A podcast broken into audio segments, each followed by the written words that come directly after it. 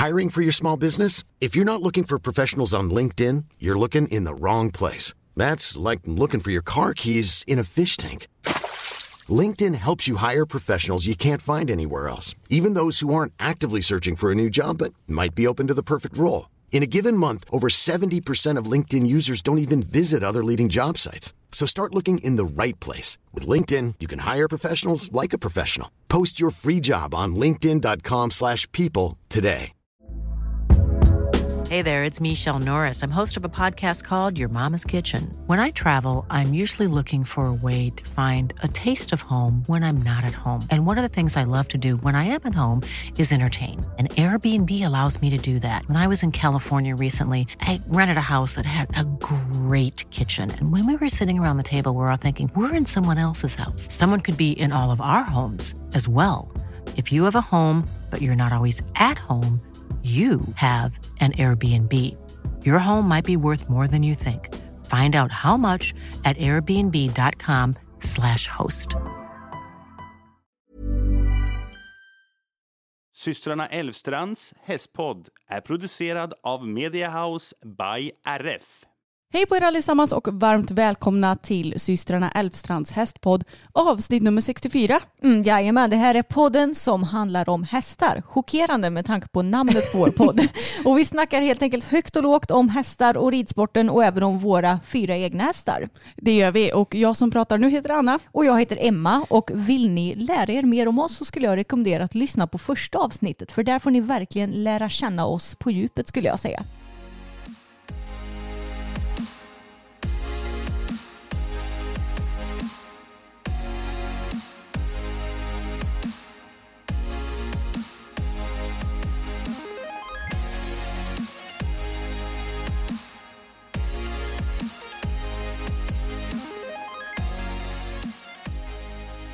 Men hur är läget med min kära lilla syster idag? Ja men alltså ärligt talat, jag vet inte vad det är men det är något som skaver.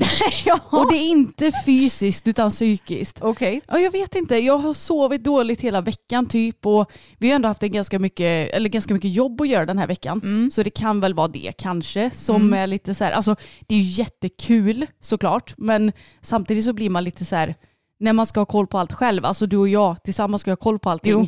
då blir man ju lite stressad. Mm. Och jag vet inte om det är det som skaver kanske. Jag har varit lite så här ångestladdad och, och sådär. Och igår när jag skulle sova så låg jag bara och, och tänkte och funderade på vad det är som gör att jag mår så här. Och så kommer man liksom inte fram till någonting. Nej, men jag tycker det är så ibland i vissa perioder. Mm. Och jag, jag blir så galen för att det känns som att varenda gång jag mår lite dåligt eller är lite nere så jag kan nästan aldrig sätta fingret på vad det är. Det Nej. hade varit så mycket enklare att bara eh, Emma varit ett rövhål mot mig så att jag vet Mm. att det är därför jag mår dåligt. Alltså vad, vad som helst. Nu är ju du aldrig ett rövhål mot mig.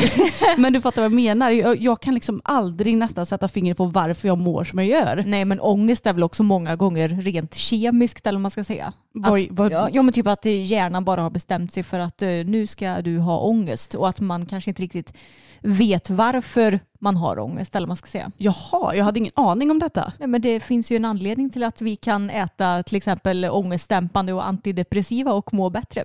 Mhm. Ja, alltså jag, det är ju sällan jag mår dåligt så det ska jag Mm. gärna vara tacksam för och jag vet att jag kommer må bättre snart och det är liksom inte värsta big deal men jag tycker också vi ska vara öppna med att ibland så mår man inte så himla bra för att jag tror att vi kanske ofta kan ge ett sken om att vi mår bra och det Jo. gör vi oftast. Ja precis. Men jag får säga att jag mår faktiskt bra. Skönt. Ja, till skillnad från dig så har jag sovit bra hela veckan och ja, jag har faktiskt inte haft eh, någon ångest vad jag kan komma på i alla fall. Även om vi har haft mycket att göra så känns det som att allt har flutit på bra och det har varit bra väder. Det gör ju mig också glad som ni säkert vet ni som följer den här podden. Och ja, men hästarna har varit fina och nej, alltså det finns liksom inget att klaga på. Förutom min ischias då, men eh, den, eh, det känns ändå som att den är lite bättre den här veckan nu när jag går på Iprenkur. Ja, för du har börjat göra det nu va? Ja, det har jag gjort. Mm. Jag tror att det är klokt för det kan ju ofta bero på en inflammation bara att man får ischiasvärk. Ja, Ja, precis. Så det är bra, då kanske ni får undan den här verken. Eller ni, du och din rumpa kanske. Ja. Ja, jag eh, består tydligen av flera olika individer. ja men du gör ju det just nu i alla fall när du Mm. har ont. Det är liksom du och din ischias.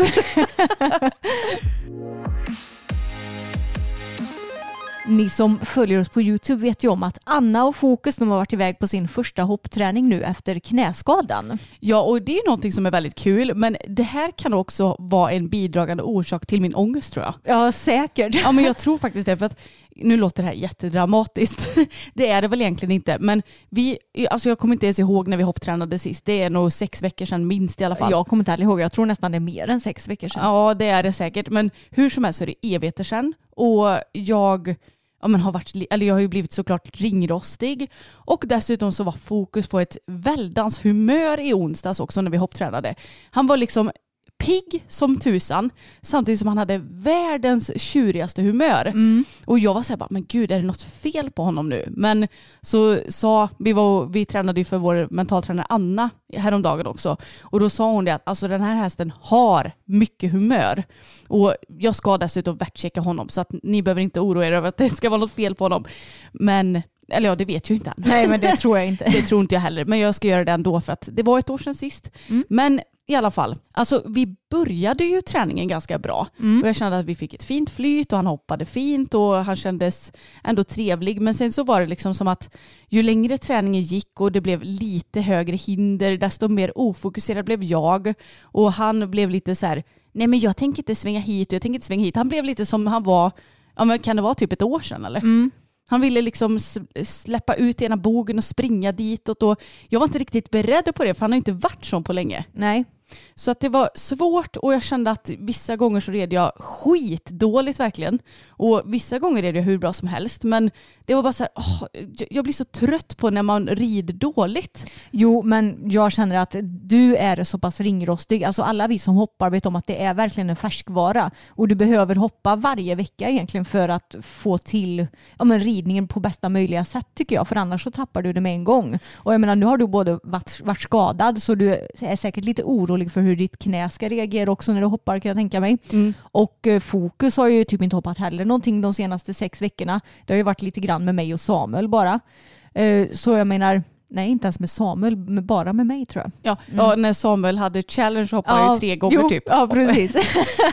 så jag menar, han är ju också ringrostig och han har ju inte heller tränat och hoppat så här svåra övningar på länge. Så jag menar, det är inte konstigt att det inte gick som innan du skadade dig. Nej, och jag vet ju det egentligen. Alltså, jag är ju väldigt sån och det tror jag har att göra med min barndom. Att, eh, nu låter det här också jättedramatiskt, men jag har ju pratat om, var det förra avsnittet? Ja, det var det nog. Att jag lägger väldigt mycket press på mig själv på grund av att ja, men lärare har haft förväntningar på mig hela livet. Inte mamma och pappa utan lärare. Och det har nog liksom medföljt att jag lägger väldigt press på mig själv fortfarande. Det är någonting som jag håller på att jobba väldigt mycket med. Men då blir jag så jävla besviken på mig själv när jag gör någonting fel och när jag ja, men, inte gör någonting så himla bra. Liksom. Och det är ju någonting som jag verkligen måste få bort mer och mer för att jag jag har varit så elak mot mig själv genom åren och bara du är så värdelös och lalala, tänkt sånt. Men nu var det väl inte riktigt så illa men det är fortfarande att jag mår dåligt över att jag har ridit dåligt. Är det där som nu även några dagar senare? För du var ju ganska så arg på dig själv när vi spelade in filmen. Men nu har, nu har du ju liksom sett filmen och hur, du, alltså hur det ser ut när du red och sådär. Känner du fortfarande likadant då? Nej, alltså det har väl lagt sig lite grann för att jag tyckte ju ändå att ja, men ofta så stämmer ju inte känslan överens med hur det ser ut. Och jag tyckte ändå att det såg bättre ut än vad, vad känslan sa. Så att det la sig lite grann när jag hade sett filmen. Men det är fortfarande så här, du vet, ja, men till exempel så tabbade jag mig något så in i bänken på kombinationen ena gången. Då kommer vi in så här och vi kommer skitstort in och då väljer jag att svänga ut från kombinationen med ett språng. Och det är så här, det, det, man gör inte så bara. Nej, men samtidigt så det fick ju liksom inga konsekvenser. Det hände ju ingenting när du svängde ut och sen när du kom nästa gång igen så gick det ju bra. Så det är inte så att fokus har fått något trauma efter det. nej, Liksom. nej, jag vet och det är väl det man får ja, intala sig själv tänkte jag Ja. säga. Att så länge inte hästen blir förstörd så är det väl lugnt. Men åh, jag, blir- jag blir bara så här, vad, vilka dumma beslut jag gjorde. Så att jag är lite, lite sur på mig själv. Men eh, vi kommer komma tillbaka, det är jag övertygad om. Ja, ja, nu är det ju snart eh, hoppträning igen så då är det bara att kötta på då. Så får du väl hoppa lite hemma emellanåt också. Ja, jag får göra det. Och jag måste säga att knät känns faktiskt skitbra. Så att jag behöver inte vara så orolig över det längre. Nej. Utan jag känner inte av det någonting när jag rider och det är jätteskönt verkligen. Mm, det har ju till och med överlevt så att säga en avramling utan att bli värre. Ja, gud. Alltså det var så roligt för att lördagen innan hoppträningen så sa jag till Emma, då vi kanske ska ta och bara skutta lite. Och vi hade inte ställt upp mycket alls utan det var verkligen markarbete. Och så skulle jag komma på så här, vi hade hoppat en bra stund innan, skulle Mm. komma på typ så här näst sista banan eller någonting som vi tänkte göra. Fatta galopp på fokus. Och han var lite bakom skänkel så då la jag på skänkeln en gång. Han lyssnade inte. Jag la till rösten en gång. Han lyssnade inte. Då la jag på spöet på bogen pyttelite. Han lyssnade inte framåt. Jag la på spöet igen på bogen. Han lyssnade inte framåt. Och då la jag på spöet på bogen igen fast pytte, pytte lite hårdare. Och då var droppen som fick bägaren rinna över för fokus. För jävlar vad han sparkade då. Ja, alltså ni ska bara veta hur kul det såg ut och det är så synd att vi inte fick det på film. Ja. Men det var ingen som filmade så vi hade inte kunnat få det på film. Men jag stod ju verkligen och såg det här alltså, rätt framför mina ögon. Och det såg verkligen ut som i en tecknad film eller i typ Mulle-serien i Min häst.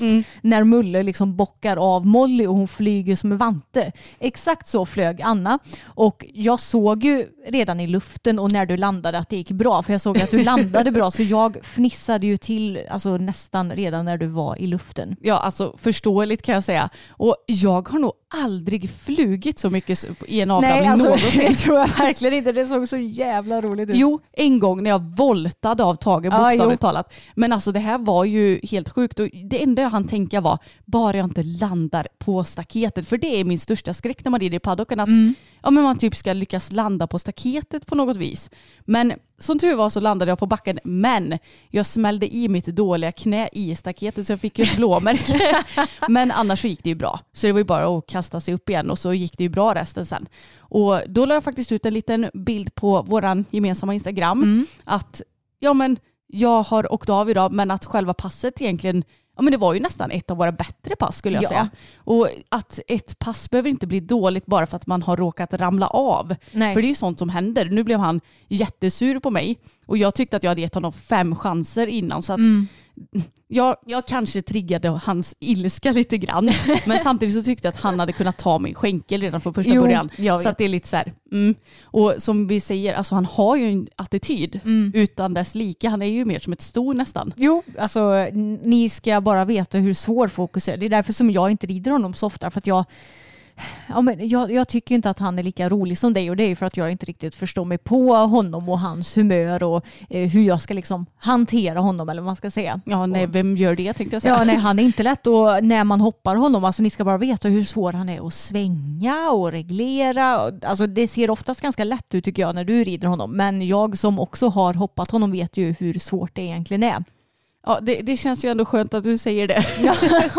Nej, men så att jag åkte av men det gick bra. Och det känns så skönt för att jag blev inte det minsta rädd heller. För Nej. jag kan tycka att när man har ramlat av så kan man bli lite mer reserverad eller så här. Men Mm. inga sådana tendenser för jag vet ju att det berodde på att han blev sur liksom. Mm, precis, och jag tycker också det är så skönt för mina två senaste avramlingar. Det var ju dels med Boppen för ett par månader sedan när han tvärnitade verkligen på Ja. ett hinder som jag inte var med på.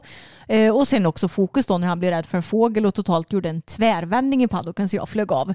Då har inte jag blivit minsta lilla rädd efter någon av dem heller för det gick så pass bra och det var bara att sitta upp igen och köra på. Och det är så skönt att eh, ändå kunna känna så för vi ramlar ju typ aldrig av läng- längre. Nej, nu har det ju varit extremt mycket Det det, ju senaste. det. Det är så sjukt. Alltså, vi har ju, du, jag och Samuel har ju ramlat av typ så fem gånger inom loppet på ett par månader. Ja det är helt sjukt. Jag, jag kan inte minnas när jag ramlade av så här ofta Nej. senast. Men det är så här, shit happens. Och jag tycker att det är så tråkigt att det känns som att att ramla av är liksom lite tabu och att det är lite pinsamt att göra det. För att det på något vis är att, ja men jag vet inte, man är en dålig ryttare eller någonting. Men det behöver ju absolut inte handla om det. Nej, alltså så länge det går bra så tycker jag ju bara det är lite kul med avramlingar. ja, det behöver inte vara en biggie liksom. Nej, exakt. Igår så mentaltränade vi för vår tränare Anna, a.k.a. Frisian Dream Team på Instagram. Och det var ett tag sedan vi gjorde det nu. Men eh, idag, eller igår var det äntligen dags igen. Ja, och det var så himla kul för att ja, man är alltid lite så här, när det har gått ett tag och vi inte har haft Annas ögon på oss så blir man alltid lite så här, ja men nu får vi se hur hästarna är idag. Och igår så introducerade vi lite nya grejer. Bland annat att man ska ta ett rep eller grimskaft eller vad som helst runt hästens ben, alltså inte runt som i, linda runt som en snara utan bara hålla det runt benet. Och så ber de att lyfta det på så vis. Och då kommer de, när de har liksom lärt sig allt det, att bli lite lättare i tassarna.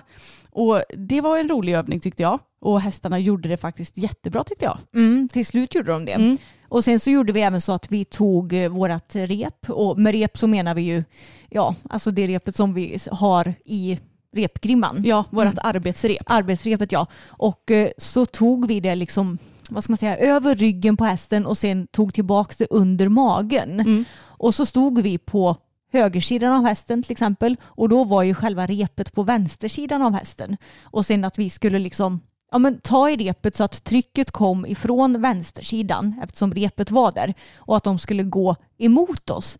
Och de blev ju lite förvirrade av det här. Mm. För vi som människor är ju ett tryck för hästen när vi står på ena sidan av dem. Och sen fick de helt plötsligt ett tryck på andra sidan. Men då var det ingen där som kunde ge dem trycket. Så båda två liksom, de tittade nästan lite bakåt och bara, men hallå, vad är det, som, vad är det här för tryck? Ja, alltså Bella var så gullig för hon tittade verkligen och bara, men va, vart kommer det ifrån Ja. egentligen? Och Fokus han tycker att sånt här tryck är väldigt jobbigt, det insåg vi igår då när vi tränade på detta. Och därför kan det också vara att han tjurar så när jag till exempel ja, men ska fatta galopp eller ber honom att springa fortare. Och det andra sa det att det är inte så konstigt att han står emot din skänkel för att han tycker verkligen inte om tryck där på magen. Och då när jag stod och höll i repet så och bad honom att komma mot mig, då bet han i repet Ja. och skrapade med hoven och bara alltså Matte det här är skitjobbigt, vad håller du på med? Men det är också sådana här grejer som gör att de kommer att bli mindre tryckkänsliga och att de kan bli mer bekväma i sina kroppar och mer bekväma för ja, men allt under ridning också. Ja, och acceptera trycket Ja. och förstå det bättre liksom. Precis. Så det var ändå, det kändes ändå bra för att han fick ju inte panik eller något sånt utan det var mer att han, han visade lite missnöje genom att bita i repet. Och med Bella så var hon ganska sån att hon gick emot trycket till Mm. början. Alltså att när trycket ifrån repet kom till vänster, då vill ju jag att hon ska gå åt höger. Men istället börjar hon då snurra åt vänster. Ja. Och det är ju väldigt, väldigt vanligt att hästar går emot tryck i början av sådana här övningar. Men eh, hon förstod faktiskt väldigt snabbt vad eh, som menades med det hela och eh, tyckte jag fick till en riktigt bra känsla med det sen i slutet. Mm. Och en annan rolig övning som jag och Bella gjorde som också är en liten tryckövning, det var att ja, men jag stod på ena sidan av henne och sen hade jag vår pinne, det vill säga, ja, vad ska man säga, arbetspinne kallas det för det. Ja, alltså det, det är ju en parallel stick kallar man det Ja. för. Det är som en pinne som har ett litet rep, Mm. eller ett litet rep, det är ju typ lika långt som pinnen, Ja, som hänger ner. precis. Och det är ju liksom ingen pisk, men det ser ju lite ut som en pisk kan Ja. man säga. Så då, säg att jag stod på vänster sida om Bella, ungefär vid sadeläget. Sen så höll jag i eh, pinnen med min högra hand, la den över henne så att pinnen var på hennes högra sida och eh, då alltså pinnens rep på högra sidan. Mm. Och sen så skulle jag liksom vifta lite grann med pinnen så att repet dinglade på den andra sidan om henne. Inte att jag skulle liksom vad ska man säga, ta repet på henne utan att det bara skulle vara bredvid henne. Mm. Så att det blir som ett tryck vid sidan av henne. Och eh, målet då var ju att hon skulle gå emot mig. Alltså Precis som, precis som med repet fast du tog en pinne istället. Ja, Mm. exakt. Och nästan gå lite som, ja kanske inte riktigt en skänkelvikning men att hon skulle flytta bakdelen mot mitt håll. Ja. Och jag tänkte så här, ja men det här är ändå, det känns ändå som en ganska så avancerad övning för att trycket kommer ju dessutom inte direkt på hennes kropp eller vad man ska säga. Och jag står ju på ena sidan och ger henne tryck. Men jag tror att eftersom vi hade gjort den här övningen först med repet så förstod hon det här så himla bra. Så hon, alltså det funkade nästan med en gång på henne och att hon gick ja, men åt rätt håll emot mig. Ja det var så häftigt att se och man såg att hon, hon ville ju nästan inte stanna när hon väl hade fått upp farten sen så du fick rumpan på dig såg jag. Ja, men alltså, Bella hon är ju så rolig för hon är ju verkligen en allt eller inget häst. Och när vi mentaltränar så kan hon bli så här, när hon har förstått en övning så tycker hon att det är så kul. Och då blir hon istället överkänslig. Så Mm. när jag gjorde den här övningen då blev det nästan att hon spinnade runt, runt, runt, runt, runt, runt åt rätt håll. Så jag fick ju typ springa runt så att inte hon skulle gå på mig. Liksom. Eh, antingen det eller så går hon emot trycket då. Ja. Eller så liksom blir hon så taggad så jag kan inte ens komma i närheten av henne. För att jag ger ifrån mig för mycket tryck då. Och hon blir så himla, åh vad ska jag göra nu, vad ska jag göra nu, vad ska jag göra nu? Ja men alltså det var så kul för när ni stod där i, och du höll på med detta så såg man att hon blev helt till sig så här. Och, Ja. och när du, du hade knappt rört ett lillfinger Mm. och då ställer hon sig och Alltså man kan tänka att hon galopperar på stället fast hon nästan stegrar lite Mm. grann samtidigt. Så att hon är som ett litet popcorn som bara studsar Ja. så här. Hon bara jag vill, jag vill, jag vill. Och så visste hon nog inte riktigt vad hon skulle göra heller. För du hade ju inte egentligen gett någon direkt signal. Nej, exakt. Och när hon blir på det humöret att hon blir så här, vad ska man säga, ja men typ överenergisk kan man säga Mm. och att hon vill för mycket, då brukar jag ta en paus i själva övningen jag gör, den mentala övningen och så får hon bara galoppera runt och liksom busa loss lite och få bort den här energin. För alltså det går inte när hon har så mycket energi att få liksom gjort någonting och det fick jag göra några gånger kan man säga. Ja, alltså hon är så söt. Ja, men hon är så jävla rolig att jobba med den hästen för hon är så himla lättlärd, alltså extremt lättlärd. Ja, hon, verkligen. hon behöver typ korrigeras kanske en gång och sen förstår hon precis hur hon ska göra. Och när hon har förstått någonting så blir hon ju istället väldigt uttråkad så du måste hitta på nya grejer hela tiden. Och ja, hon är så himla liksom positiv när hon väl förstår vad det är hon ska göra. Men det är det här som är så spännande för att det märker vi ju ofta på hoppning och på hoppträningar. Att gör hon någonting fel, till exempel att hon, det kanske blir för trångt i kombinationen, hon backar ju av direkt själv nästa gång hon kommer. Och det är lite samma där, hoppträningar, lite tråkigt för det blir ju lite samma övningar och Ja. sånt där. Klockren på tävling oftast. Ja. Om hon inte spänner till för någonting. Men jag menar, Precis. hon gör ju alltid sitt bästa på tävling. Och det är väl säkert för att då är det någon ny bana och hon vet inte vart hon ska rida. Nej. Eh, Det gör ju ni tillsammans som ett team. Mm. Liksom. Och jag tror att det är därför hon är en så pass bra tävlingshäst. Ja, det tror jag med. Hon, hon är verkligen en rolig individ att jobba med varje dag. Så jag hoppas att hon ska bli bra igen nu efter sin skada så att vi kan komma igång med ridningen igen för hon är, ja, hon är verkligen helt fantastisk. Mm. Men jag märker ju nu, nu har hon, ja dels så vilade hon ju någon vecka och sen har vi kommit igång och börjat ja, men longera och tumlongera och går även fortsatt lite promenader med henne. Jag ska prova att rida innan vi åker till veterinären på återbesök också om några dagar. Men hon tycker ju att det är tråkigt för nu får hon ju inte bli riden och det innebär ju inte lika varierat arbete heller och att tumlongeras och liksom vara i paddocken och bara springa runt i en ring och, eller med tummar. Alltså det förstår hon inte grejen med. Nej, och alltså det var så roligt för att det var en dag som Emma skulle tumköra och springa efter henne lite mer. Ja. Som, ja, men arbete på volt är inte bra att göra sju dagar i veckan. Liksom. Nej. Och jag red Tage samtidigt och vi skulle skutta lite över de här hindren som vi hade framme efter Fokus och Boppens hoppning så. Och ja men Tage var ju svinpigg för det första. Ja. Och så, han tyckte det var så roligt. Men det var så kul att se Bella också för då kommer Emma och Bella och travar på långsidan så här. Och så står det ett litet block som är 50 cm ungefär Mm. snett igenom. Och då ser jag hur Bella svänger in mot blocket, saktar av till skritt och kliver över hindret som att hon bara haha nu är jag lite busig här. Japp, ja, men hon bestämde själv verkligen vad hon ville göra. Ja. För jag har ju, alltså jag kan tumlongera men det här med att tumköra, det kan jag inte riktigt. Nej, Men så tänkte jag att ja, men jag får väl prova att göra det någon dag så hon inte bara går på volt. Men ja, jag vet inte, jag får nog be pappa att göra det istället för han är nog lite mer hype på det än vad jag ja men är. han är ju faktiskt duktig på det. Mm. Så att eh, vi får be honom fixa det där. Ja, precis. Men nu är det förhoppningsvis inte så många dagar kvar med det här tråkiga arbetet enligt Bella då. Nej, kanske kan få lite mer uteritter och sånt i alla fall. Ja. Så att hon får, ja för man ser att hon tittar så avundsjukt när vi ut på grabbarna. Japp, jag vet. Ja, så gulligt. Men på tal om mentalträningen så var Fokus otroligt duktig. Ja, men både med det här nya som vi introducerade, men också så ställde vi upp blockhinder som i en blixt så, här, så att det blir en labyrint. Och det var något som vi gjorde i somras och något som han tyckte var något så in i bänkens jobbigt.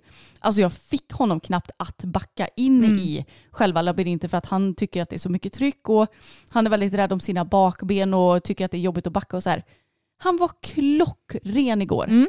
Alltså så fin. Jag tog det väldigt successivt och lugnt såklart för att han tycker fortfarande att det är lite jobbigt. Men han var väldigt liksom känslig. Jag behövde inte alls vifta mycket i repet utan snarare bara använda mitt pekfinger och han lyssnade på mig och alltså han var bara så himla duktig och jag blir så glad när saker och ting går framåt.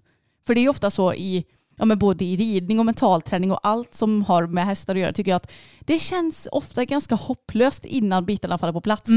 Eller hur? Jo, verkligen och speciellt med en häst som har så pass mycket trauma bakom sig som Fokus har. Mm. Så det känns jätte, jätteskönt verkligen och det känns som att ja, men ju fler bitar vi lägger på plats i pusslet desto bättre blir vi ju tillsammans också. Så att ja, men nu är jag motiverad på att köra igång mer med mentalträning igen. Ja men det förstår jag verkligen och det känner jag också att jag är. Och vi snackade ju lite förut om att Bella ja, men är uttråkad nu när inte hon får lika mycket varierat arbete som hon brukar göra. Ja. Och eh, lite på tal om det så snubblade jag in på en artikel ifrån ridenews.se som eh, där det var en ny undersökning som säger att 70 procent av av ryttarna rider ut i naturen minst en gång i veckan.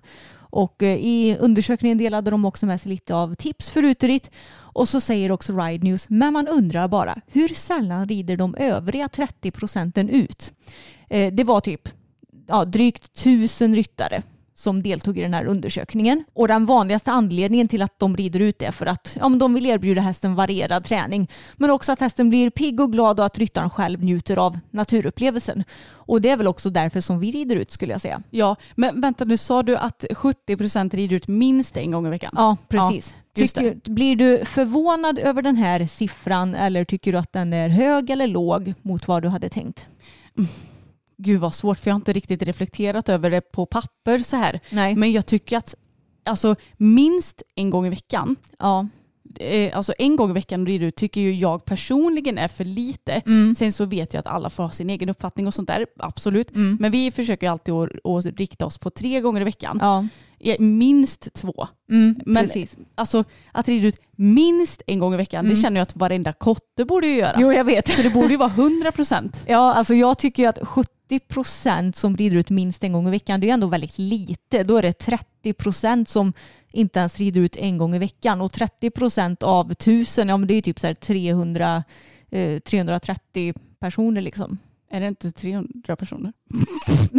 Nej men det, det är ju jättemånga personer då som inte rider ut överhuvudtaget då. Eller Mm. kanske eh, minst varannan vecka då en gång. Eller vad, vad då? Ja, precis. Ja, jag Nej. vet inte riktigt. Det, jag tyckte att det lät, eh, ja, det lät väldigt, eh, väldigt lite. Och sen så tror jag också att det mestadels var allround-ryttare som deltog i den här undersökningen. Ja. Och min, eh, min fördom, eller vad man ska säga, det är att allround-ryttare är ganska bra på att rida ut. Men det var ju också hoppryttare och dressyrryttare och kanske lite andra eh, vad ska man säga, inriktningar som också deltog i ja, men den här undersökningen. Ja. Och då kanske det var, alltså min fördom är ju att dressyrryttare rider ut minst av alla vad ska man säga, ryttare om man kategoriserar det liksom. ja, alltså det är ju min fördom också. Jag blir ju gladeligen överraskad om det är någon som motsäger mig tänkte jag säga. Men nej men alltså 30 procent är ju jäkligt mycket. Mm. Och då undrar man ju hur mycket de rider ut då. Ja. Rider de ut alls? Precis. Rider Ja. de ut en gång i månaden? ja, och jag vet att Ride News avslutar den här artikeln ungefär i stil med, eh, jag und- eller vi undrar vad de övriga 30 procenten gör ja, men under veckan på ett ungefär. Mm, det hade ju varit väldigt intressant att veta. Och det är kanske något som de hade kunnat ta vidare i nästa undersökning. Ja. Så här, hur många dagar i veckan, då får man kryssa i så här, hur många dagar i veckan rider du ut? Rider hoppning, dressyr, bla bla bla. Så att man får se vad alla ryttare faktiskt gör med sina hästar. Mm, precis. Det hade varit lite intressant tycker jag. Ja, och sen, eh, jag vet inte, det här är kanske inte någonting som Ride News specifikt skulle kunna göra, men det hade också varit intressant att eh, få någon, vad ska man säga, full undersökning på hur mycket den här varierade träningen bidrar till ja, men, mer eller mindre skador till exempel. Ja och hästens eh, lynne tänkte jag säga. Men Mm. eh, ja, för jag upplever det som att hästar blir mer motiverade av att ridas varierat också. Mm. För att blir det bara samma, ja det är skittråkigt. Det är ju som Bella. Hon Mm. visar ju väldigt tydligt att det här är svintråkigt. Alltså hon vill ju inte riktigt, hon går inte in med glädje i paddocken om man säger så. Nej. När vi bara ska in och tumköra typ. Nej. Utan då är det är lite så här, måste jag? Mm. Men rider vi ut, alltså det är ju spetsade öron Oh ja. rundan runt och bara jajamän liksom. Mm, verkligen. Så att eh, vissa hästar är ju tydliga med att varierad träning är det som gäller. Ja, exakt. Och det är dessutom väldigt bra miljöträning. Ja. Eh, och det är också kanske lite därför jag har den här fördomen. För jag tänker att ja, men hoppryttare och typ fälttävlansryttare. Ja, fälttävlansryttare måste ju rida ut för Ja. hästen måste ju funka att rida ute. Men också hoppryttare, då blir det också nya tittigheter varje tävling. Du vet inte hur hindren kommer se ut, du vet inte hur banan kommer se ut. Dressyrbanor, de kanske ser Alltså de kan ju se lite olika ut men oftast så är det, ja, men det är ett dressyrstaket och så kanske det är lite blommor och sen så sitter domaren antingen i en typ transport eller i något sorts bås. Ja. Alltså det blir ju inte så himla stor variation på det hela ändå. Nej, det är ju mer eller mindre samma saker som Mm. är på dressyrtävling. Så att ja, jag håller med dig där att det är ju lite så. Ja, men jag tror ju verkligen att alla oavsett disciplin gynnas av uteritter. Gud ja, absolut. Och med tanke på att vi rider ut mycket så ser vi också mycket trots att vi, ja men vi är inte sådana som åker iväg på långritter och sånt här men vi rider ut bland våra trakter ofta. Mm. Och Tage, han är ju en rolig liten herre för att han är ju den som ändå går fram typ överallt. Han, det är inte så mycket som skrämmer den här hästen. Nej. Men något som skrämmer honom väldigt mycket, förutom kor och får, Mm. för det är typ hans största skräck, Ja. Det är robotgräsklippare. Mm.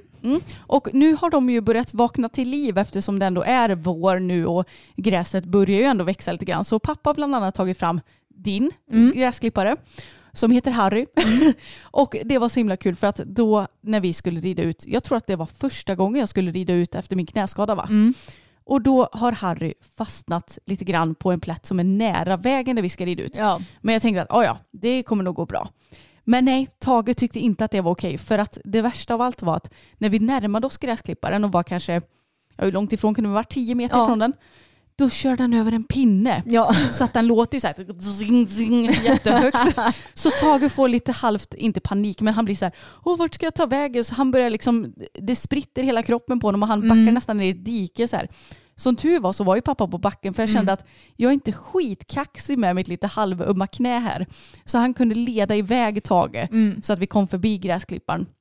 Men alltså han är så rädd för de här stackars gräsklipparna. Ja men alltså Tage han är ju så rolig på det sättet också för han är ju normalt sett ja, men väldigt cool, blir sällan rädd för någonting, kan gå först och han är ju väldigt väldigt trygg. Men när han får syn på någon av sina fobier som till exempel får, kor och robotgräsklippare alltså då blir han ju helt paralyserad Ja. och han, han släpper helt kontakten med typ den som sitter på ryggen. Ja och det är ju väldigt typiskt introverta hästar också. Mm. Att de, de har ju fullständig panik inombords men Mm. utombords så ser det bara ut som att de stirrar liksom. Ja. Så att det är lite obagligt för att då tycker jag nästan det är bättre med extroverta hästar som ändå så här visar att oh holy, holy shit, här är det något läskigt som att de kan steppa runt lite eller vad som helst. Men Mm. Tage fryser ju bara fast och så vet man inte när det kan explodera. Nej precis. Så jag föredrar ju att sitta av när han blir sån där. För då är jag åtminstone på backen och inte kan trilla i backen och tappa honom eller någonting. Nej precis. Så ja, han är nog inte jätteglad över att gräsklipparna har vaknat till liv men nu har han åtminstone sett dem så att nu tror jag att han är lite mer redo för dem och ändå liksom. Ja, han är så lustig. Men något som jag tänkt också på när vi rider ut det är att det här med hundar är lite lustigt. Mm, vad, vad tänker du på? Nej men det känns som att eh, ja, men hundmänniskor, alltså så här typiskt djurmänniskor känns det som är lite speciella. Det finns många hästmänniskor som är speciella och det finns också många hundmänniskor som är speciella för Mm. det känns som att det är lite ökänt så. Ja. Och det känns som att, det, nu kanske det är en fördom jag har för att vi bor där vi bor och de kanske är så just här, det vet inte jag. Nej. Men det känns som att hundar, så länge man typ säger till dem så kan de nästan få göra vad som helst. För då har Mm. man ändå gjort ett försök att få dem att sluta. Ja precis. För att vi red förbi ett ställe där det är två små hundar Mm. som skäller konstant när vi rider förbi. Mm. Hoppar mot stängslet och bara skäller, skäller, skäller. Och Mm. Ena delen av mig tycker det är bra för att då får man lite gratis miljöträning. Mm. Hästarna får vänja sig vid skällande hundar, allt sånt där. Ena delen av mig blir också jävligt trött Ja. på hundjävlar som skäller. Japp. Ursäkta många svordomar men ja, det här är något jag brinner för. Nej, men, och då, då liksom när ägaren öppnar dörren lite slött och liksom Hörni, var tysta. Men Mm. liksom gör ingen ansträngning till att få dem att faktiskt tystna. Nej. Alltså hade det varit mina hundar och de hade skällt så mycket då hade jag tagit in dem till huset liksom. Eller bara, jag vet inte vad jag hade gjort. Men det var så här halvhjärtat försök att bara tyst nu, tyst nu, ja. sluta nu. Och de, de hör ju inte ens människan liksom. De skiter ju i det. Ja, och det känns som att, jag vet inte, vissa hundmänniskor är bara så himla nonchalanta. Jo, jag vet och det stör jag mig på så in i bänken. För jag tror att, ja, nu är inte jag, har inte jag någon erfarenhet av hundar för jag gillar ju inte hundar speciellt mycket. Men jag menar, alltså jag tänker att ifall du uppfostrar en hund redan från tidig ålder då beter den väl sig inte så här. Så det är inte hundens fel i grund och Nej. botten utan det är ju ägarens fel. Jag, jag menar ju inte att det är fel på hundarna såklart. Men- Och jag fattar att man inte kan vänja, alltså precis som att vi inte kan vänja våra hästar vid precis varenda liten pinal i hela världen så kan ju de kanske inte vänja hundarna vid precis vartenda djur och eh, boll och alltså vad som helst. Men på något vis så handlar det väl ändå om kontakten mellan djur och människa. Jo. Och att de ändå ska kunna lyssna. För Mm. de- de här hundarna gick i en trädgård där de har liksom staket runt hela så att de är väl lösa där oftast antar Mm. jag. Och då är det så här, alltså då, du får ju fortfarande hålla koll. Du kan ju inte bara låta dem vara där och så tro att de beter sig typ. Nej, men jag har ju hört det här och det är inte bara när vi rider förbi som de låter utan det är ju typ när folk går förbi också. Mm. Ja, jag, jag, jag, jag blir så trött bara. Mm. Man blir trött av att höra skällande hundar. Alltså det är så jävla irriterande. och så när de är små och ettriga och hoppar emot staketet och har sig. Ja. Ja. gud alltså nej. Det här är anledningen till att jag inte är någon hundmänniska. För finns det någon katt som skulle bete sig på det här viset? Nej, och jag Nej. sa det för pappa bara, men Anna, vad gör det att hundarna skäller? Jag bara, nej men det gör väl egentligen inte så mycket, men jag tycker att det är respektlöst. För att alltså hade vi haft hästar som betett sig så, säg att de hade typ stegrat och gnäggat mot de här hundarna, alltså det hade ju aldrig varit accepterat. Nej, För att vi råkar sitta på djur som är 170 cm i mankhöjd medan deras är kanske 40 cm i mankhöjd. Ja. Men då är det helt plötsligt okej. Mm, ja, jag vet. Ja, det Nej. känns ofta som att det är så här små hundar är lite skitsamma också. Ja, ja verkligen. Ja, för det hade ju inte varit två Grand Danoa som hade varit där och bara ruff, ruff. Utan det känns som att det är sådär små, så bara Men det känns ju alltid som att de hundmänniskorna som inte egentligen borde ha hundar, de har ju sådana här små hundar. Det innebär väl inte lika mycket risk antar jag. ja, det kanske är så. Nej, alltså jag blir bara så trött. Varför kan vi inte bara försöka att fostra våra djur så gott vi kan? Ja, och lägga lite energi på dem. Ja, och sen så ska inte jag säga för mycket för ibland skäms man ju över sina hästar på veterinärkliniken också. Till exempel när Tage knappt ville komma in som ni vet eftersom ni lys- lyssnade på förra veckans avsnitt hoppas jag. Men ja, jag vet inte. Jag vet knappt vart jag vill komma med detta men kan vi bara ta hand om våra djur och lära dem lite vett?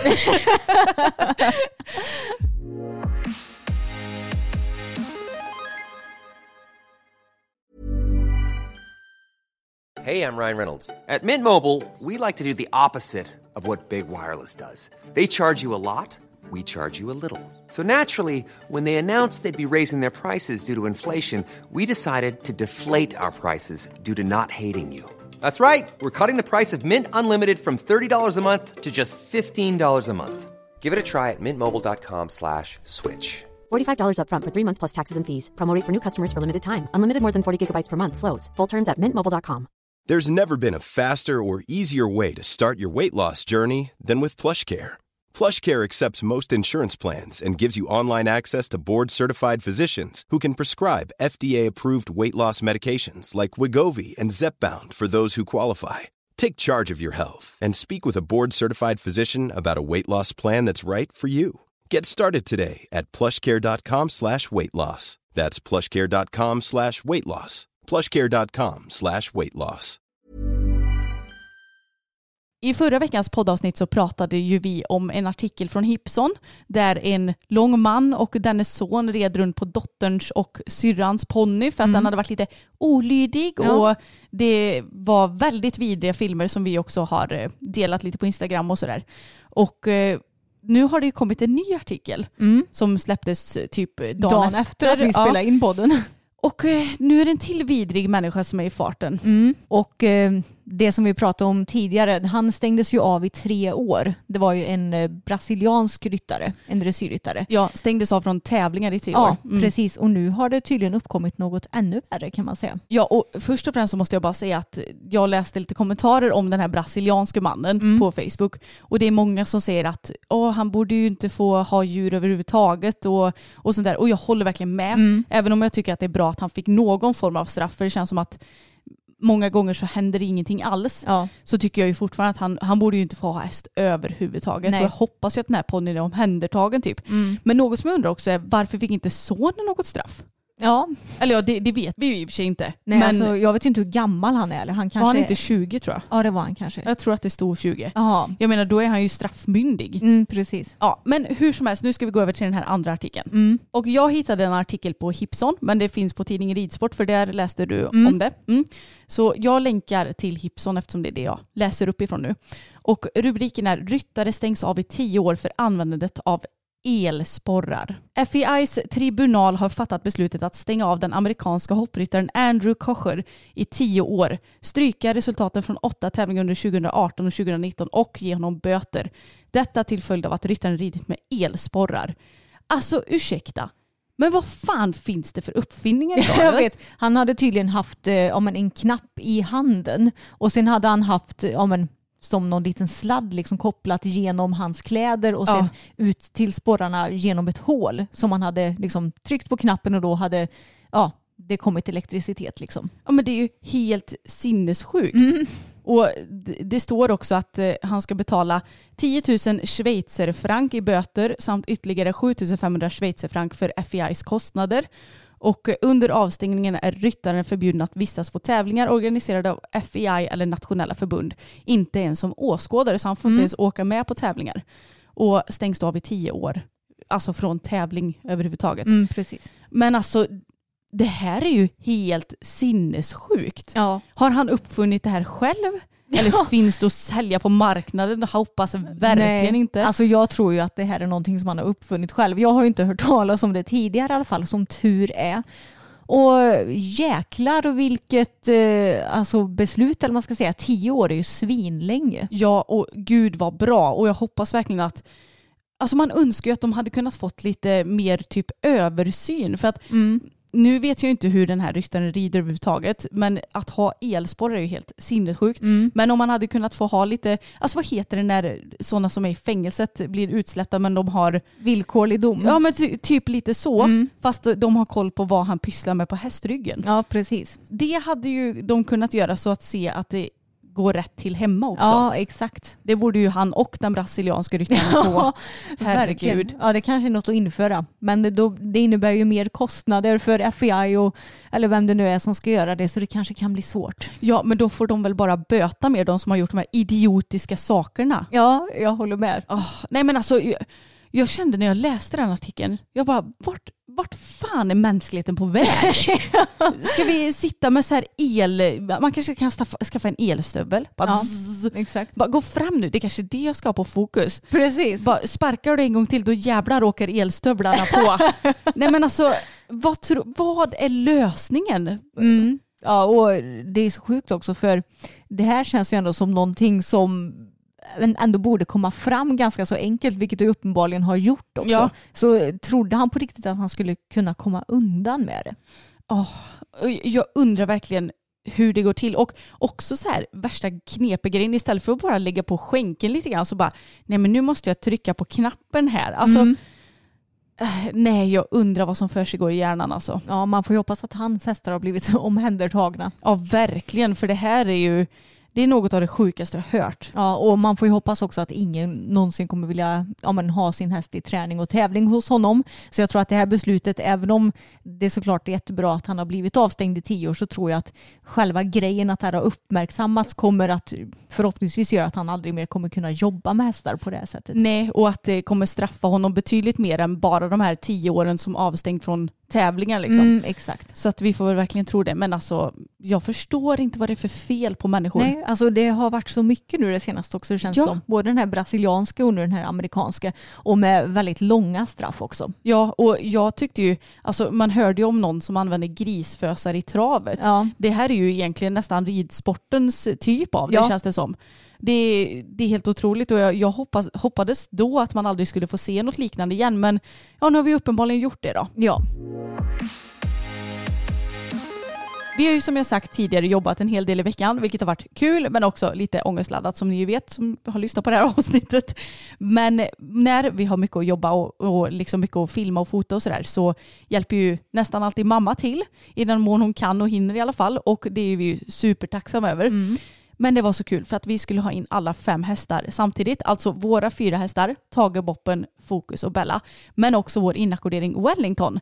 För vi skulle ta lite träckprov och så här och så skulle de vara med i en challenge. Vi har ju lagt upp den här videon på YouTube så vi kan, jag kan länka till den i beskrivningen ifall ni vill se den. Men jag, du och pappa skulle gissa vilken häst det var när vi har ögonbindel på oss. Ja. Genom att bara ta på ansiktet och så här. Ja, men då skulle vi ha in alla hästar och vi hade hämtat in alla våra fyra och så skulle jag bara ställa in Wellington i, ja men våran, uppbindningsplats som är vid dörren. Och Mm. så hade jag inte hunnit stänga dörren än. Men jag satte liksom fast honom i grimskaften och så höll han på att börja så här backa och grejer. Och jag bara nej nu får du stå still. Och så backade han igen och jag bara nej men stå still nu Wellington. Och så skulle jag egentligen bara gå bak och stänga dörren. Mm. Nej men då backar han och slinker ur sin grimma Mm. och sticker ut från stallet. Och mamma stod ju i salkammaren och skulle liksom vänta på att vi skulle bli klara med hon, hästarna. hon stod inte ens i sadkammaren, hon stod inte. på stallgången tillsammans med mig. Ja, just så det. typ snett framför Wellington när det här hände. Ja, och jag blev ju lite rädd att så här, grimskaftet typ skulle sprängas på mig eller någonting så att jag stod och skyddade huvudet när det här hände för att jag kände att jag hinner inte få in honom i Nej. stallet igen. Nej men så när han väl kom lös, Mm. vad sa mamma då Eva? Då sa hon Åh herregud han är lös! Men, och det, alltså hon fick sån panik, det såg ut som att hon skulle börja lipa Mm. Ja. vilken sekund som helst. Så hon sprang ju in på toaletten och typ låste om sig till och med. Eh, och, och vi bara, ja ja, alltså alla hästar är ju i stallet, vart Mm. ska han springa någonstans? Det är ju liksom inte världens big deal. Nej. Och våran, eh, våran inackordering vet ju om detta också så vi har ju berättat det för Sara såklart. Så att inte så att vi bara oj nu får vi inte säga någonting. Nej. Nej men så vi gick ju bara och hämtade Wellington igen och Mm. så var det frid och fröjd när vi hade stängt dörren. Ja precis, men det var så kul på ett sätt att mamma hon blev så fruktansvärt rädd och hon är ju väldigt hästrädd mamma. Ja. Även om hon har eh, blivit mycket bättre med åren. Men det här är ju en sån traumatisk upplevelse som helst inte ska hända Nej. i hennes närhet. Och jag blev så här bara, men eh, Wellington vi får tänka på att mamma är rädd. Ja, men jag förstår inte riktigt varför hon blev så rädd. För det var inte så att han sprang emot henne utan det var ju tvärtom. Han backade ju ifrån henne. Hon kanske tänkte att han backade för att ta sats. Ja, exakt. Kanske det. Nej, herregud. Och hon sa det verkligen med exakt den tonen jag Ja. sa förut. Åh herregud, han är lös. Fast, åh herregud, han är lös! Alltså verkligen så panikartat. Ja, förlåt mamma, det var inte riktigt meningen. Men Nej. eh, vi kunde inte gjort något åt det heller. Nej, det är så som livet är med hästar. Ibland så sker det lite oväntade grejer kan man säga. Verkligen. Alltså något av de obekvämaste plaggen som finns tycker jag, det är bhar. Ja, alltså jag håller med till 110 procent. Ja, och jag hade nog helst gått utan bh jämt om jag hade kunnat. Men, Mm. eller, det, det är väl högst valfritt men jag känner mig inte riktigt bekväm att göra det jämt i alla fall. Inte in public. Nej precis. Så jag beställde en ny bh från Cube som jag tyckte såg så himla nice ut för den är ändå ja, men lite snygg med lite spets och så här bak i ryggen men fortfarande typ som en sport-bh. Som jag tänkte att gud den här kommer bli perfekt till vardags. Och då provade du den och fick lite panik. Ja, för den var för mycket, vad ska man säga, halsterneck. Jag hatar ju när någonting sitter för tajt emot min nacke och hals. Ja, och då när Emma fick testa min nya bh då, så kom jag att tänka på det att förr i tiden Emma, då red ju du i vanlig bh. Ja, alltså jag kan säga att min syn på bh har ju förändrats något extremt de senaste tio åren. Rätt radikalt. För man kan säga som så här att för tio år sedan då hade jag på mig vanlig bh, alltså bh med bygel, push-up bh, you name it. Ja, med sådana två band på varsin axel, Ja. ingen kryss eller något i ryggen. precis. Jag hade på mig det hela tiden. Jag hade på mig det till vardags när jag var i skolan. Jag hade på mig det när jag red och jag hade på mig det när jag var ute och sprang. Vad var det för fel på mig undrar jag ju. Ja, alltså man kan ju verkligen fråga sig det. Och jag har alltid varit sån här att när jag rider eller tränar eller så här, då vill jag ha sport-bh för att jag tycker att de sitter där de sitter oftast. Även om det finns be- obekväma och bekväma sport-bh.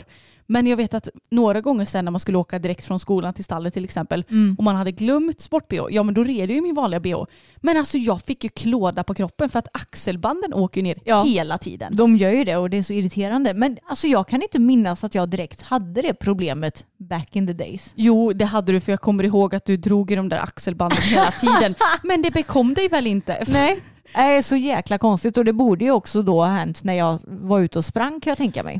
Alltså du är ju knäpp Emma. Ja, alltså idag, jag avskyr grejer som liksom sitter för tight på mig, som sitter och klämmer på något ställe. Så jag vill ha riktigt så här mjuka, sköna sport-bh som man knappt känner att de liksom sitter på huden. eh, och det är samma med trosor. Jag, ja, alltså jag är ingen trostjej heller. Allra helst hade jag ju gått utan underkläder överhuvudtaget. Men det är ju Allra helst hade man väl gått naken och slippa skavande kläder. Absolut, men då hade jag blivit lite för kall också känner jag. Jo, med tanke sant. på vilket land vi bor i. Morgonrock. Mo- oh, oh, morgonrock är min go-to-klädsel här Ja. hemma kan jag säga. Nej, så eh, det här med bh, jag fattar inte riktigt hur jag kunde göra som jag gjorde förr i tiden. Och jag tror att grejen också att du och jag har inte så stora bröst. Så vi behöver ju inte direkt BH för att få något speciellt mycket stöd. Så det Nej. kanske var därför som det funkade förr i tiden ändå. Ja, nej alltså det behöver vi inte och det är ju kanske därför, alltså tack och lov tycker jag, för att jag gillar ju också så här lite slappa bh inom Mm. situationstecken som inte sitter åt så mycket och sånt där. Och det hade ju kanske inte funkat om man hade haft större bröst än vad vi har. Nej. Men eh, jag, jag förstår inte hur du kunde rida med, med vanlig bh alltså. Nej, inte jag heller. Alltså om jag glömmer sport idag, då rider jag ju utan i så fall. Ja. Mycket hellre det än att rida i en vanlig bh alltså. Ja, samma här. Alltså jag, min, alltså jag ska vara ärlig, jag minns inte när jag hade på mig en vanlig bh senast. Nej men för min del var det inte så länge sedan men det var ju innan jag köpte den här sköna bhn. Ja, just det. Så nu kommer jag väl aldrig gå tillbaka till annat. Nej. Men alltså det här med bh tycker jag är så himla svårt. Alltså både sport och vanliga bh. Våra lyssnare kanske kan ta och tipsa om sina bästa bh. Ja, gärna. För alltså, problemet för mig, eller vad man ska säga, är att jag har ju inte speciellt stora bröst. Men däremot är jag väldigt bred runt min bröstkorg. Ja. Så jag behöver ju ha en bh med liksom stort omfång. Eh, men som samtidigt inte håller på och glider ner uppe på axlarna och som ska passa kuporna. Jag brukar ha storlek 85B Ja. på vanlig bygel-bh eller man ska säga. Ja, och för min del så gillar ju inte jag heller när bh alltså slutar precis under tuttarna liksom, utan jag gillar ju när de går ner lite Det grann. jag med. Så att de är lite längre eller vad ska man Mm. säga. Men ni får jättegärna komma med era bästa bh-tips och det kan ni göra på våran Instagram. Ja, jag gillar också när de går ner lite. Men de får samtidigt inte trycka för Nej. mycket för då känner jag att nej men nu kan jag inte andas. Ja gud vi är så kräsna när det kommer till Ja, bh. japp, jag har eh, sloggig bh, sloggig sport-bh. Ja, jag gillade dem egentligen men de glider också ner. Men du har löst det genom att knyta fast en tofs Ja, så att det blir som ett kryss. precis. Men eh, jag köpte någon lite nyare variant och den tycker jag inte glider ner lika mycket. Men den är lite kortare under, under bröstet också. Ja okej. Så jag föredrar egentligen de som jag har special, special, special med en topp så att säga. Jag förstår. Men något som jag också tänkt på Emma, det är att förr i tiden så hade jag ett par jeansridbyxor. Mm. Och alltså jeansridbyxor är så fruktansvärt snyggt tycker jag. Ja det är det. Det är skitsnyggt men vi hatar ju typ jeans också. Ja, Alltså till vardags menar jag. japp. För att det känns som att man hittar typ inte någonting som passar helt hundra och hittar man något som passar så är det bara såna här jättetajta byxor vilket är snyggt. Mm. Men jag skulle vilja ha något lite mer baggy-aktigt så jag frågade faktiskt på min Instagram efter jeanstips och jag fick massa tips så att Mm. jag ska ut på jeansjakt någon gång. Men det, jag tänkte på det för det känns som att finns det några jeansridbyxor som är verkligen som ridbyxmaterial eller finns det bara med så här denimmaterial? Vad tror du? Jag har ingen aning och jag har inte gjort någon research direkt för jag känner att Ja, jag avskyr ju ridbyxor också för de allra flesta passar ju inte min kropp. Så att ens försöka mig på att hitta några jeansridbyxor som ska ett, vara tillräckligt höga i midjan för min åsikt. Två, passa min röv. Alltså nej, jag tror inte jag kommer hitta det faktiskt. Nej, kanske inte. Men jag, jag tänker att det borde ju inte finnas några jeansridbyxor som verkligen är så här superduper stretchiga. Mm. Utan då borde de säkert vara lite mer som, om man säger Gina Tricots Molly Ja, jeans. precis. Fast kanske utan sömmar och sånt Ja. mellan benen då. Men ja, jag, tycker det är så snyggt med jeansridbyxor. Jag önskar att det fanns ett par sköna som jag hade kunnat ha. Mm, som hade varit i lite mer ridbyxmaterial bara att det hade sett Ja. ut som jeans. Exakt, Mm. för jag, åh, det är så snyggt när jag ser det på Instagram. Jag bara, Ja. åh vilka snygga ridbyxor. Japp, men kanske ingenting som kommer passa mig, buhu. Nej, vi får se. Jag, jag, är- det är inte världens big deal. Jag Nej. har ju andra ridbyxor. Så att, men Ja. man suktar lite efter det. Jo men det håller jag med om. Ja men det var allt vi hade för det här avsnittet hörni. Och jag skulle gärna vilja ha lite tips för att det är ju ganska så snart sommar. Vi rullar ändå in i, eller vi har rullat in i maj nu Ja. när det här avsnittet släpps. Och vi har ju tänkt att vi ska ha ja, men tre till fyra veckor där vi faktiskt har lite semester. Och vi har också tänkt att vi ska spela in poddavsnitt till detta så att det inte blir någon paus i podden men att vi ändå kan liksom tidsinställa poddavsnitt så vi inte behöver Ja men så vi kan ta lite semester för en gångs skull. Ja. Så jag skulle jättegärna vilja att ni också på Instagram där ni rekommenderar era bästa BHR också kommer med lite förslag på vad vi skulle kunna spela in. Mm. För jag har lite förslag, till exempel någon frågepodd och sådär. Mm. Men ni kan väl komma med förslag med saker som vi kan ta upp som inte behöver vara liksom här och nu. Mm. För vi kommer inte komma med några vardagliga uppdateringar om hästlivet utan Mm. det får ju bli när vi kommer tillbaka från vår lilla semester då. Precis. Det vore väldigt tacksamt så att vi kan vara lite lediga i år. Ja, det ser jag verkligen fram emot. Jag är skitpeppad på sommaren får jag säga. Ja men det är jag med. Vi Mm. får ju se exakt vad man kommer kunna hitta på men åtminstone åka på lite semester till någon stuga eller något hade varit Ja, mysigt. ja, det hade varit så skönt. Jag Eller liknande. I am peppad så att säga. Ja, jag med. Men tack så jättemycket för att ni har lyssnat på dagens avsnitt hörni. Glöm inte att prenumerera på vår Instagram som heter systrarna Elfstrand. Och vi har ju också privata Instagramkonton där jag heter Anna Elfstrand. Mm, och jag heter Emma Elfstrand. Och sen så har vi också en YouTube-kanal som heter systrarna Elfstrand. Ja. Det är inte så svårt att komma ihåg våra sociala medier för det är bara att söka på Elfstrand överallt. exakt, det är det verkligen. Men hörni, ha det jättebra så syns vi, eller nej vi syns inte, vi hörs igen nästa vecka. Det gör vi. Hej då!